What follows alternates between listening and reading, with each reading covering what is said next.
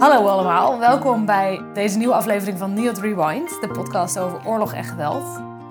Mijn naam is Anne van Maurik en ik zit hier samen met mijn collega Michiel Wilmink. Michiel is collectiespecialist en hij weet alles van de dagboekencollectie van het NIOT. Nou. Michiel, welkom. Ja, dankjewel. Nou, je bent heel bescheiden volgens mij, want je zegt gelijk al nou. Maar kun je misschien wat over jezelf vertellen? Wat doe je precies bij het NIOT? Ehm, ik ben eigenlijk eh, hier gekomen in 2004. Ik was aanvankelijk beschreef ik eh, voor de beeldbank eh, foto's, materiaal en sindsdien ben ik knipsels gaan doen. En op een gegeven moment was er iemand nodig voor het beschrijven van dagboeken. En dat ben ik gaan doen en dat is meteen ook veel inhoudelijker werk. Dat is wel een raar vak. Je leest dus eigenlijk een dagboek en je moet daar een, eh, iets over schrijven voor de site van het NIOD, zodat eh, meer mensen op de hoogte zijn van eh, wat we aan dagboeken hebben. Ik maakte altijd hele samenvattingen van ehm, een- een heel verhaal wat in een dagboek gebeurt, hele geschiedenis in een dagboek. En dat leerde ik van mijn collega Marjan Ros, die is dit jaar helaas overleden. Een vrouw die maakte ook vanaf 1973 werkte ze hier. En was, was al enige jaren met pensioen. En die maakte dagboekbeschrijvingen. En dat deed ze op een kamertje in het koetshuis. En lekker met klassieke muziek op. En, Oh ja. eh, en ze was vrij uitvoerig. Soms waren de dagboekbeschrijvingen langer dan de dagboeken zelf. Maar dat maakt niet uit. En, maar ze ging met pensioen en toen nam ik dat over. Sommige dagboeken zijn zo de moeite waard dat ik eh daar toch een soort verhaaltje van maak. En dat is dan niet meer dan een sfeerschets. Dat je denkt, nou, dat, dat pakt de sfeer van het dagboek. En Zullen we anders eens gewoon beginnen en kijken wat, wat voor stukken je schrijft en uh, Vind je het leuk? voorst- Ja, eh, is goed. Ja, voorleest? zal ik een paar voorlezen? Eh dat gaat over een, een date die een, een, een, een tewerkgestelde in Duitsland heeft met een meisje. Hij ontmoet eigenlijk een meisje in Berlijn. Een liefdesverhaal. Ja, een liefdesvrouw, dat is wel leuk. En ja, nou, in 1944 wordt de 21-jarige Amsterdammer Albert Staller als elektricien te werk gesteld in Berlijn. Op een zondag in september ontmoet hij daar een Marion. Hij schrijft, we spraken om half zeven af in Café Wien.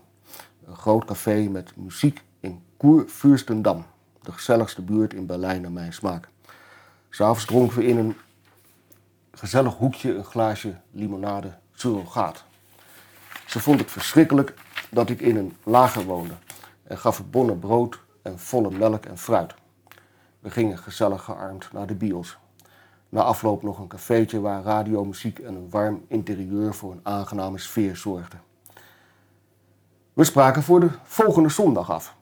Ik reed met de S-baan zo'n beetje zwevende naar huis. Maar maandag wachtte me op de fabriek echter een onaangename verrassing. Een week later zal hij worden verlagerd naar Schachtelhalm, dichtbij de oude Poolse grens, voor dwangarbeid in een fabriek van Daimler-Benz AG. Zijn afspraak met Marion staat echter nog. De rest van de week verliep zoals altijd, schrijft hij. Werken en slapen. En zo kwam de zondag, die lang niet zo gezellig was als de vorige. Nadat ik twee uur in de rij had gestaan voor kaartjes, zat ik smiddags tevergeefs in Café Wien op haar te wachten. De laatste zondag in Berlijn was voor mij dus bedorven. Twee dagen later ziet Albert er nog de film Kluk bij Trouwen met Johan Heesters. En thuis het lager wacht zowaar een bericht van Marion. Ze was zondag verhinderd geweest, schrijft hij, wat haar vreselijk speet. En maakte tegelijk een afspraak voor de volgende zondag. Ze had echter haar eigen adres niet vermeld. Ik kon dus onmogelijk haar meer bereiken. Vanaf de volgende dag is zij zo'n 200 kilometer van Marion vandaan. Hij schrijft, de enigste hoop was nog het weekend naar Berlijn te kunnen. Ik zal haar wel nooit meer terugzien. Oh, Ja. en dit is een, het is een open einde. Ja, zo, ja, ja, ja nou, zij ziet er waarschijnlijk ook nooit meer terug. Het, het is zoiets, ja, dat, eh, Ja. dat gebeurt. Ja. Dus liefde in de tijd van dat... Ja, maar dit, dat is eigenlijk zo van alle tijden, weet je. Dat kan je ook eh, op vakantie ook gebeuren. En eh, dat is, ja, prachtig. Ja. Ook, ja, dat is natuurlijk ook iets menselijks. Er is heel veel geschreven ook over eh, de werkgestelling. En dus mensen hadden denk, denk ik meer dan in gevangenissen toch de gelegenheid om dat te doen. En hadden ook wel meer vrijheid. Zullen we nog één doen? Zeker. Leuk. Een beroemd dagboekfragment staat ook in het boekje Dagboekfragmenten. Dat is al heel oud. Dat gaat eigenlijk vertelt dat over een uh, stel. Dat gaat op een uh, zomerse dag kersen plukken in Tiel. Ja? Lekker weer. En, uh, maar dat is dan toevallig op de dag dat die, de hele rivierbuurt is afgezet om mensen op te halen. Razzia. En dat is op 20 juli 1943 was dat. En die mensen die zijn wel begaan met, met al die mensen die worden opgehaald. Maar ze zien dat eigenlijk als een voetnoot. Het is iets niet wat de dag nou wezenlijk bederft. Dus het fragment is als volgt. En dat is, dat is van, op, in dat opzicht een belangrijk fragment.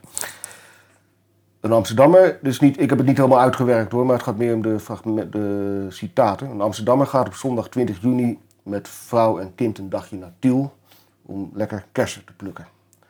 Hij schrijft: Velen in de trein weten niet eens wat er in Amsterdam wordt afgespeeld de laatste Joden worden opgehaald. Maar wij zijn lekker op weg naar Tiel. Overvolle trein en in Utrecht komt er nog een stampje bij. Maar de stemming is er, want alles trekt er vandaag op uit. Kersen eten of halen. En in Amsterdam worden de Joden op een hoop gedreven als vee. Een bundeltje op de rug. De deken bij hun. Dagen van tevoren hebben ze hun spulletjes al klaargemaakt. Afscheid van hun zo vertrouwde huiskamer, van hun vrienden en kennissen. En wij maar kersen eten, de ene mand na de andere. En die avond, diezelfde avond gaan ze naar huis met ook weer de trein. En dan zijn we weer op weg naar Amsterdam. Bij het Amstelstation horen we dat er nog steeds niet wordt gestopt aan de Muiderpoort. Dus toch, vragen we ons af, die afzetting is nog niet opgeheven. De jacht wordt voortgezet. Honderden Joden zijn op een hoop gedreven en op weg naar Vught. En s'avonds delen ze wat van hun kersen uit aan mensen in de straat of aan buren. En dan zegt hij, wat een blijdschap en wij delen in de vreugde. We hebben niet voor niets zo gesjouwd. Om elf uur kruipen we ons bed in en slapen binnen de minuut. Ja. Ja, en dat is uh, wrang. Dat is, maar dat is wat, wat uh, dat, zo zal het bij veel mensen gegaan zijn. En, ja. Het dagelijks leven gaat oh. door. Ja, maar ook een soort onverschilligheid. En, ja. ja. Dat doet me een beetje denken aan de huidige situatie met huidige vluchtelingen. Ja, eigenlijk. is ook zo. Ja, ja, maar nou, ja, dat, dat maakt die dingen, dat, dat houdt die dingen ook zo tijdloos. Hè? Of tijdloos, maar dat is misschien ook wel belangrijker ervan. Dat, dat, dat soort dingen toch steeds weer terugkeren. En, uh, ja. ja. En dat soort emoties is toch kennelijk ook menselijk. Nou, wil ik er nog eentje voorlezen. Deze is toch wel belangrijk. Kijk, dat is dit boekje. Dus deze, ja. Ja, kijk toch. Wat een boekje. Ik zie een foto en een heel klein boekje. Ja, en dat is dan ook een zakagenda. Die is op, uh, die is op straat gevonden in een doos. Zo gek, hè? En, uh, Wauw, het valt gewoon bijna uit elkaar. Ja, het is gewoon Jeetje. bijna spooky is dat. Dat vind ik ook altijd wel fascinerend, dat soort dingen. Ja, want hoe, hoe voelt het voor jou om dit vast te hebben? Dat je denkt, oh, nou, het is... Uh, het is zo kwetsbaar. Ja, dat is heel kwetsbaar en, en, en ook heel gek. En uh, zoals collega van mij die het allemaal brieven behandelde, die van uh, de weduwe van Rost. En uh, ja, dat is toch wel gek om die, die correspondentie allemaal in, in handen te hebben. Ja. Maar deze man die schrijft als volgt. Dit is een meneer KT, hè, dus als iemand iets op zijn geweten had of iets, een fout iemand was, dan, dan noemen we niet zijn naam. hij schrijft vanavond weer joden vangen in Betondorp, vrouw en zoon. Hevige scène, schrijft de jonge Amsterdammer TK op 1 maart 1943 in zijn dagboek. Een kleine zakagenda, die ooit gevonden is in een doos op straat. Vanavond jodenjacht, zeer succesvolle avond, stelt er later die maand tevreden vast. Ik denk dat ik in die paar weken zeker al een paar honderd joden gevangen heb. Vanmorgen half vier weer thuis. Met het laatste bedoelt de 21-jarige politieagent zijn ouderlijk huis. TK is de jongste van een fanatiek NSB-gezin dat aan de Amsterdamse Amstellaan woont, tegenwoordig de Vrijheidslaan. Hij is lid van de Nationale Jeugdstorm en schrijft tevens voor het weekblad Storm, dat wordt uitgegeven door de Nederlandse SS. Op een zaterdag in februari 1943 bezoekt hij een NSB-manifestatie. Smiddags bataljonmars door Amsterdam. Naar de Dam waar Mussert spreekt, S'avonds naar het concertgebouw Koenkeboem der WA. 2000 man aanwezig. Bussert sprak en van Geelkerken. Een belangrijk deel van het werk van de Nederlandse politieagenten is het opsporen en arresteren van ondergedoken Joden. En zeker wanneer Jodenjagers een premie krijgen van 7 gulden 50 per opgepakte Jood. Vanavond op Jodenjacht, niet veel bijzonders. Slechte resultaten daar alle sperren geldig zijn, klaagt TK op de avond van 30 maart. Een sperre is een document dat een tijdelijke vrijstelling van deportatie verschaft.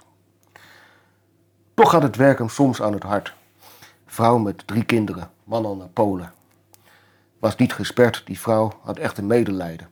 Had ze achtergelaten, ze wilde wel mee, maar weet niet wat haar te wachten staat. TK besluit naar het Oostfront te gaan en wordt goedgekeurd door de WA. Mijn salaris wordt gewoon doorbetaald, 80% door de Nederlandse politie. Een SS-opleiding in Düsseldorf valt hem allerminst mee.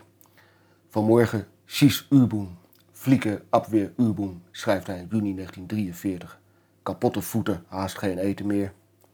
Op 1 september 1944 wordt TK, dan pas 22, als vermist opgegeven in Litouwen.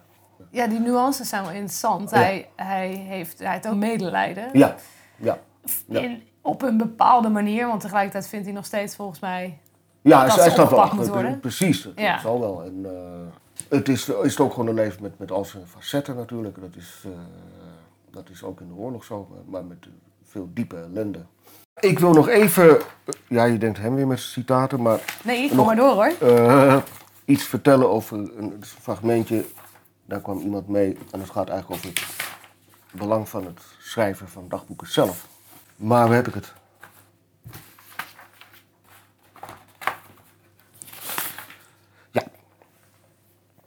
Dit gaat over een eh Joodse advocaat en zijn vrouw die is eh, naar Westerbork. En het niet, niet duidelijk, ik weet niet uit mijn hoofd hoe het haar dan verder vergaat, maar het gaat wel over het, schrijven in dagboeken wat hij niet meer kan delen met zijn vrouw nu ze er niet is. En hij schrijft dan eigenlijk, en dat is toch wel essentieel, eh, over het, het schrijven van dagboeken dan. Hè.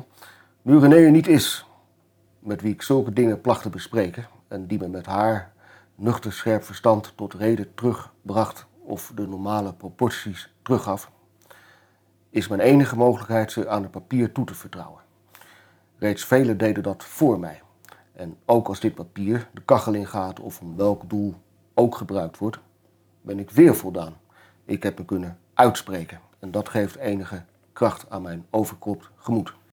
Ik, ik hoop ook dat mensen, stuur het ook aan op, op schenken, want wij willen altijd dagboeken krijgen. En, eh, ja, Ja. dus dat is... eh, Dus mochten mensen eh, het dagboek vinden ergens... of nog in hun bezit hebben van familie, ja. naar het NIOD. Ja, precies. Ja. Iemand kan een dagboek ook komen inzien op het NIOD, op de Herengracht. En iemand moet dan wel een archiefverklaring eh, eh, ondertekenen. En, eh, zodat hij daar ook niet aan eh, uit gaat kopiëren en zo. En een groot deel is ook gedigitaliseerd. Dus eh, dat kunnen mensen ook opzoeken op de site.